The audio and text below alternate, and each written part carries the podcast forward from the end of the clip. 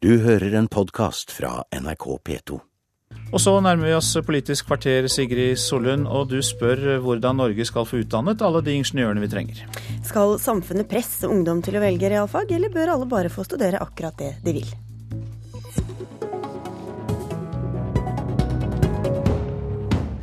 For norsk arbeidsliv etterspør ingeniører og andre innen realfag. Likevel velger mange unge å utdanne seg innen media eller samfunnsfag, der det kan være vanskelig å få seg en jobb som er relevant for utdannelsen. Stein Lier Hansen, administrerende direktør i Norsk Industri. Hva trenger dere av arbeidskraft som det norske utdanningssystemet ikke forsyner dere med i tilstrekkelig grad i dag? Ja, Den kartleggingen vi har gjennomført nå, er at vi de neste fire-fem åra har et voldsomt behov for ingeniører og sivilingeniører. Eh, og det er jo særlig da teknologibedriftene som leverer eh, avansert utstyr til olje- og gassvirksomhet, som nå etterspør ingeniører og sivilingeniører i en betydelig grad, og soper markedet. Og, og er nå egentlig avhengig av, tror jeg, å hente kapasitet fra utlandet, og det gjøres jo. Marianne Aasen, utdanningspolitisk talsperson for Arbeiderpartiet. Er det et problem at mange unge velger studieretning etter hva de syns virker gøy, eller hva som er mest populært? I utgangspunktet så tror jeg det er bra at folk studerer det de er interessert i, for da får de også bedre resultater. Men det blir jo et problem for samfunnet når vi nå mangler mange ingeniører. Vi mangler lærere. Vi kommer til å mangle masse helsefagarbeidere. Og hvis det blir et stort gap mellom hva folk velger å studere og utdanne seg på, og hvilke behov vi har i samfunnet, så får vi et problem. Men dette syns jeg illustrerer hvor at det har vært ganske uheldig den debatten man har hatt pågått i mange år, om at hva skal vi leve av etter oljen? Den type diskusjoner påvirker indirekte hva folk velger å studere. Det har gitt et inntrykk av at det er ikke noe framtidsbransje, og nå ser vi at det stikk motsatte er tilfellet. Så vi som er debattanter og voksne i dette samfunnet, må være også påpasselige på hvilke signaler vi sender. Fordi de historiene ungdom hører, er hvor mye penger du kan tjene på å finne opp Facebook. Mens det å jobbe innen oljesektoren, det er en solgangs-nedgangsbransje. Og så er det mange som velger samfunnsgeografi, som vi har hørt om i Dagsnytt, eller litteraturvitenskap og andre ting som kanskje virker spennende, men som ikke er så lett å få relevant jobb innen. Mette Hanekamhaug, du er utdanningspolitisk talsperson for Fremskrittspartiet, og dere pleier å være opptatt av hva våre skattebetalerkroner går til. Hva syns du om at mange av dem går til å finansiere studier og utdannelser som kanskje ikke er det Norge trenger? Nei, altså Det man må være viktig å ha fokus på, er det at vi faktisk utdanner folk ikke til arbeidsledighet, men fokuserer på hva landet faktisk trenger av arbeidskraft, både nå og fremtida. Og som Stein Lier Hansen her peker på, at vi har et prekært behov. Vi har mangel, mangel på nesten 16 000 ingeniører nå og fremover. Dette er ikke en ny problemstilling. Denne problemstillinga har vært aktuell i mange år og vært adressert flere ganger. Og vi i Fremskrittspartiet vi er tydelige på at her må regjeringa ta ansvar. Det må Nasjonale myndigheter må tørre å prioritere. Og vise det at man prioriterer ingeniør, ingeniørfagene og tekniske fag fremfor andre. Både økonomisk og ha fokus på det gjennom utdanningsløpet. Ja, og det hadde vært enda verre hvis ikke vi hadde hatt en realfagsstrategi. Det har vi hatt i flere år nå, og den har, hvor, som også har ført til at vi har økt studieplasser nettopp på de stedene hvor ingeniørfag og sykepleie og lærere Jeg vil også dra fram de fagene, for de trenger vi også. Blitt, du får ettergitt studielån hvis du blir mattelærer. Og vi satser på vitensentrene, fordi at dette her med realfag det må vekkes mye tidligere. Det er for sent når ungdom er 18-19 år. Hvis du da ikke har vært interessert i disse fagene og er mer interessert i litteratur, ja, så går det ikke an bare å hoppe over på ingeniørstudiet fordi at oljebransjen plutselig trenger folk. Det høres ut som alle peker på det strukturelle, og ingen vil gå inn på valgfriheten til studentene. Stein Lier Hansen, hvor mener du løsningen ligger? Ja, altså Det er begge deler. Altså Vi jobber jo med å motivere ungdom for realfag og ingeniørutdannelse, og har jo sett at det er lykkes. Altså Problemet nå er jo at det er langt flere som er kvalifiserte til å begynne på NTNU, og som ønsker å begynne på NTNU f.eks. Så det er ikke interessen det skorter på, da? Nei, altså det stoppes. altså Det er ikke kapasitet. og sånn at det er klart at skal vi, skal vi tilfredsstille ungdommens krav når de først er motivert for en sivilingeniørutdannelse, så må vi også sørge for at det er kapasitet i utdanningssystemet til å ta imot de som er kvalifiserte. Og det er jo dyre studieplasser, og det er litt av problemet. altså Det er en mye dyrere studieplass det å, bli, å ta opp en som vil bli sivilingeniør. Han trenger laboratorier etc., etc.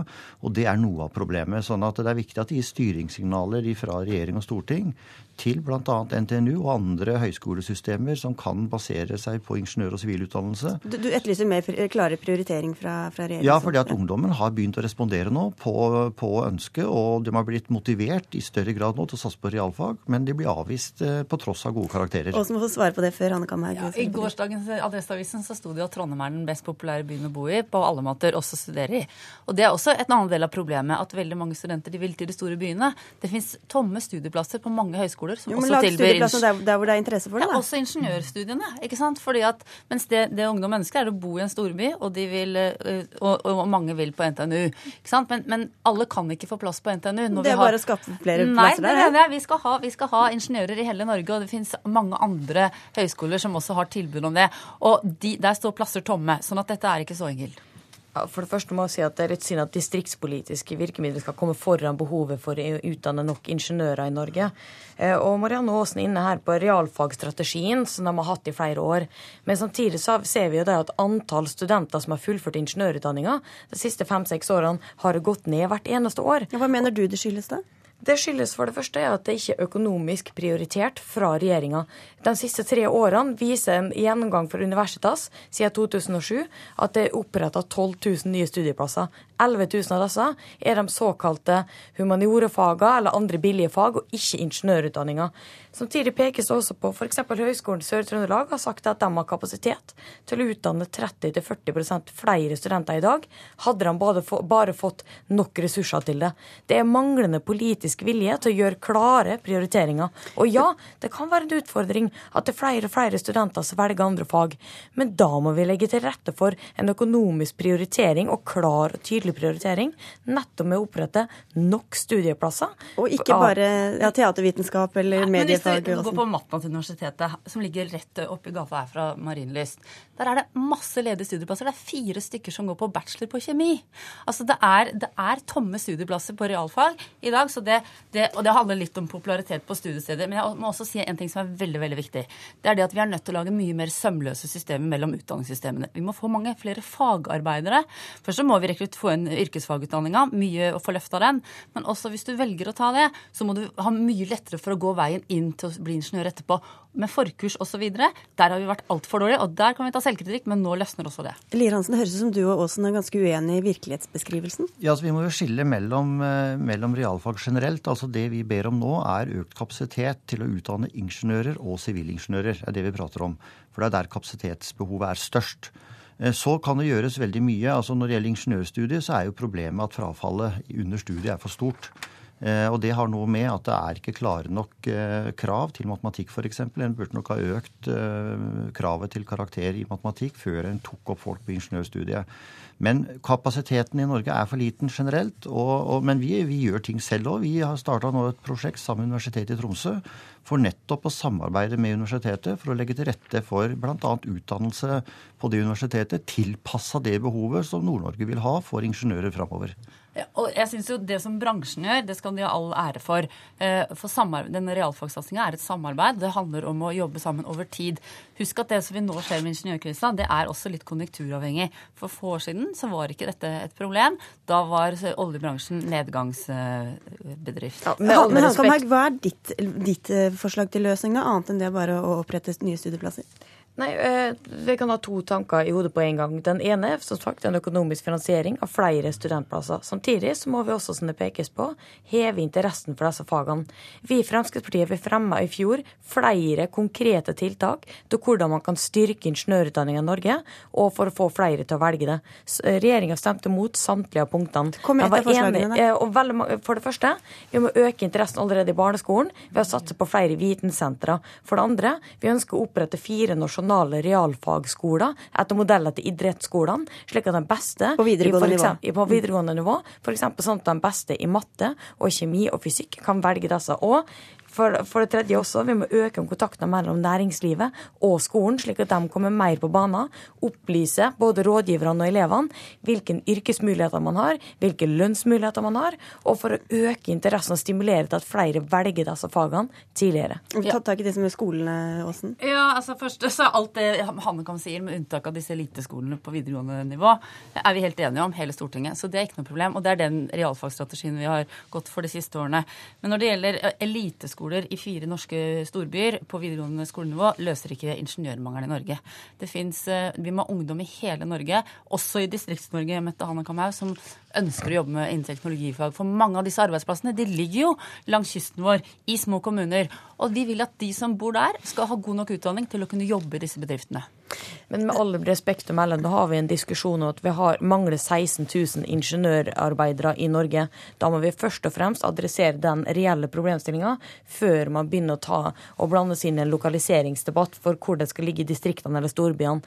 Denne saken er for viktig til at man begynner å skeie ut debatten om det. Det viktigste nå er at nasjonale myndigheter er sitt ansvar bevisst på at man må opprette flere studentplasser på ingeniørstudier, slik at vi får utdanne flere flere i Norge i dag. Men da vil jeg bare ha en liten runde til slutt her om studentenes eget ansvar. Lier Hansen, bør de føle et eget ansvar for å utdanne seg innen noe det samfunnet trenger? Ja, det, altså det, mener jeg jo i den forstand at de trenger iallfall veiledning, sånn at de forstår hvilken utdannelse som har eh, størst potensial til å gi dem en god og sikker jobb i framtida. Altså det tror jeg faktisk de fleste trenger å bli veileda litt på. For når vi er unge, så kan vi ha masse fromme ønsker om hva som er morsomt å, å lære seg, men vi, vi, er jo egentlig opptatt alle sammen av å få en jobb, stifte en familie og ha en relativt sikker framtid. Så den veiledningsfunksjonen er viktig. Men det, det, vi, må, vi, kan jo ikke diktere det, altså, men, men, vi må veilede. Og så må vi sørge for at de som da tar riktige valg, faktisk møter et utdanningssystem som tar imot dem. Men samtidig, hvis man smaler inn sporet, kanskje f.eks. ved hjelp av videregående egne skoler, Åsen, så kan det, ikke at det var ditt forslag, men så kan jo det også gjøre at man mister noe av den gleden ved å kunne surre litt rundt. Det tar jo litt tid å bestemme seg for ganske mange. I Norge så de fleste, har de fleste det så godt at de styres av en indre motivasjon for hva de har lyst til, ikke en ytre motivasjon ut fra fattigdom. Og det skal vi være veldig glad for. Dette er et luksusproblem. Vi har en vekst i norsk økonomi som gjør at disse problemene er der. Men, men, eh, men det er klart at eh, Stein Lier Hansen er inne på viktige ting her når det gjelder det å få studenter til å også skjønne at de er nødt til å ha noe å leve av når de er ferdig. Eh, så du må klare å kombinere det, da. Og ha jobbutsikter samtidig som man gjør noe som er interessant. Da treffer man blink. Mette Hannekamhaug, helt til slutt, ditt tips til kommende studentene? Jeg tror det er å faktisk, eh, som det adresseres for begge to her, se hva behov eh, arbeidslivet faktisk har, og tørre å satse på disse utdanningene også. Takk skal dere ha for at dere kom til Politisk kvarter.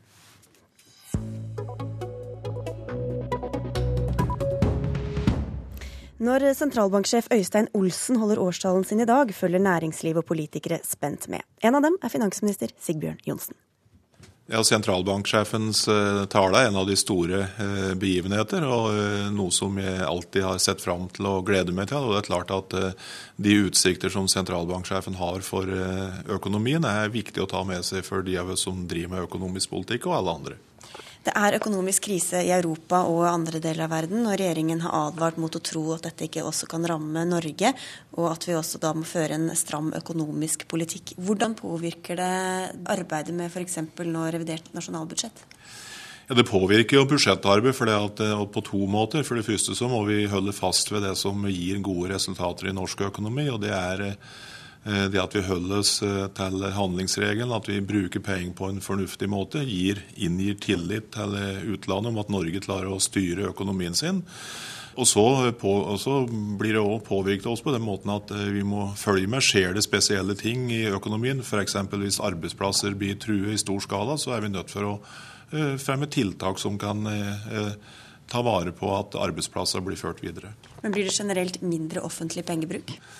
Det er, eh, det, er litt, det er, litt, vanskelig å svare på det spørsmålet, i den forstand at det er litt forskjellig nå fra det som eh, skjedde i 2008. For da stoppa virksomheten opp. Da var det viktig å hjelpe banka i en eh, tidlig fase. Og etterpå så kom det jo betydelig økte bevilgninger for å holde folk i arbeid.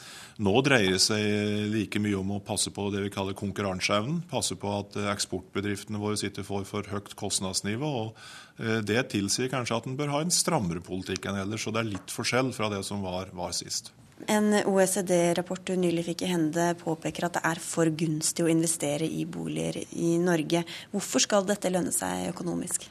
Eh, når det gjelder bolig, så er det brei politisk enighet om at eh, den boligen du bor i skal beskattes lempeligere enn eh, andre ting du investerer i. Det har vi lang tradisjon for i Norge, så det er nok òg et system som kommer til å vare ved framover. Så hvis det ikke er aktuelt å gjøre noe med boligbeskatningen for den boligen du bor i, er det aktuelt å gjøre noe med bolig nummer to eller tre eller kanskje til og med fire? Det er mange spørsmål som reiser seg i skattedebatten. så eh, det er klart at eh, Når vi nå går inn i arbeidet med budsjettet for 2013, så, så vil vi jo behandle skatt på normal måte. og Så får vi jo vente og se hva som kommer ut i oktober. Men kan det da komme endringer i beskatningen for disse investeringsobjektene? Det som eh, vil komme, og det kommer i oktober. så eh, Både det som dreier seg om formuesbeskatning og andre deler av beskatningen, det ligger til debatt i regjeringa. Det er én viktig forutsetning som ligger i bunnen, og det er at eh, vi skal holde fast ved skatteløftet som ble gitt i 2005, om at en ikke skal ha en økning av beskatningen som følge av regelendringer. Hvis du øker skatten på ett område, så skal det bli trukket ifra på et annet område. Det, det ligger fast. Men ellers så vil en jo diskutere ulike sider ved skattesystemet for å gjøre det bedre. Det skulle bare mangle. Er økt beskatning på boliger et eksempel på noe som er faglig klokt, men politisk uklokt, eh, enn si umulig? Det er, ingen, det er, ingen, grunn til å legge skjul på at uh, boligbeskatning har uh, det, det, bringer fram sterke politiske følelser. Men det vi har gjort med boligbeskatningen, som jeg tror var helt riktig og nødvendig, det var å få et mer rettferdig takseringssystem, slik at uh, like boliger blir beskattet mest mulig likt. Sa Sigbjørn Johnsen, og Politisk kvarter er slutt. Jeg heter Sigrid Solund. Du har hørt en podkast fra NRK P2.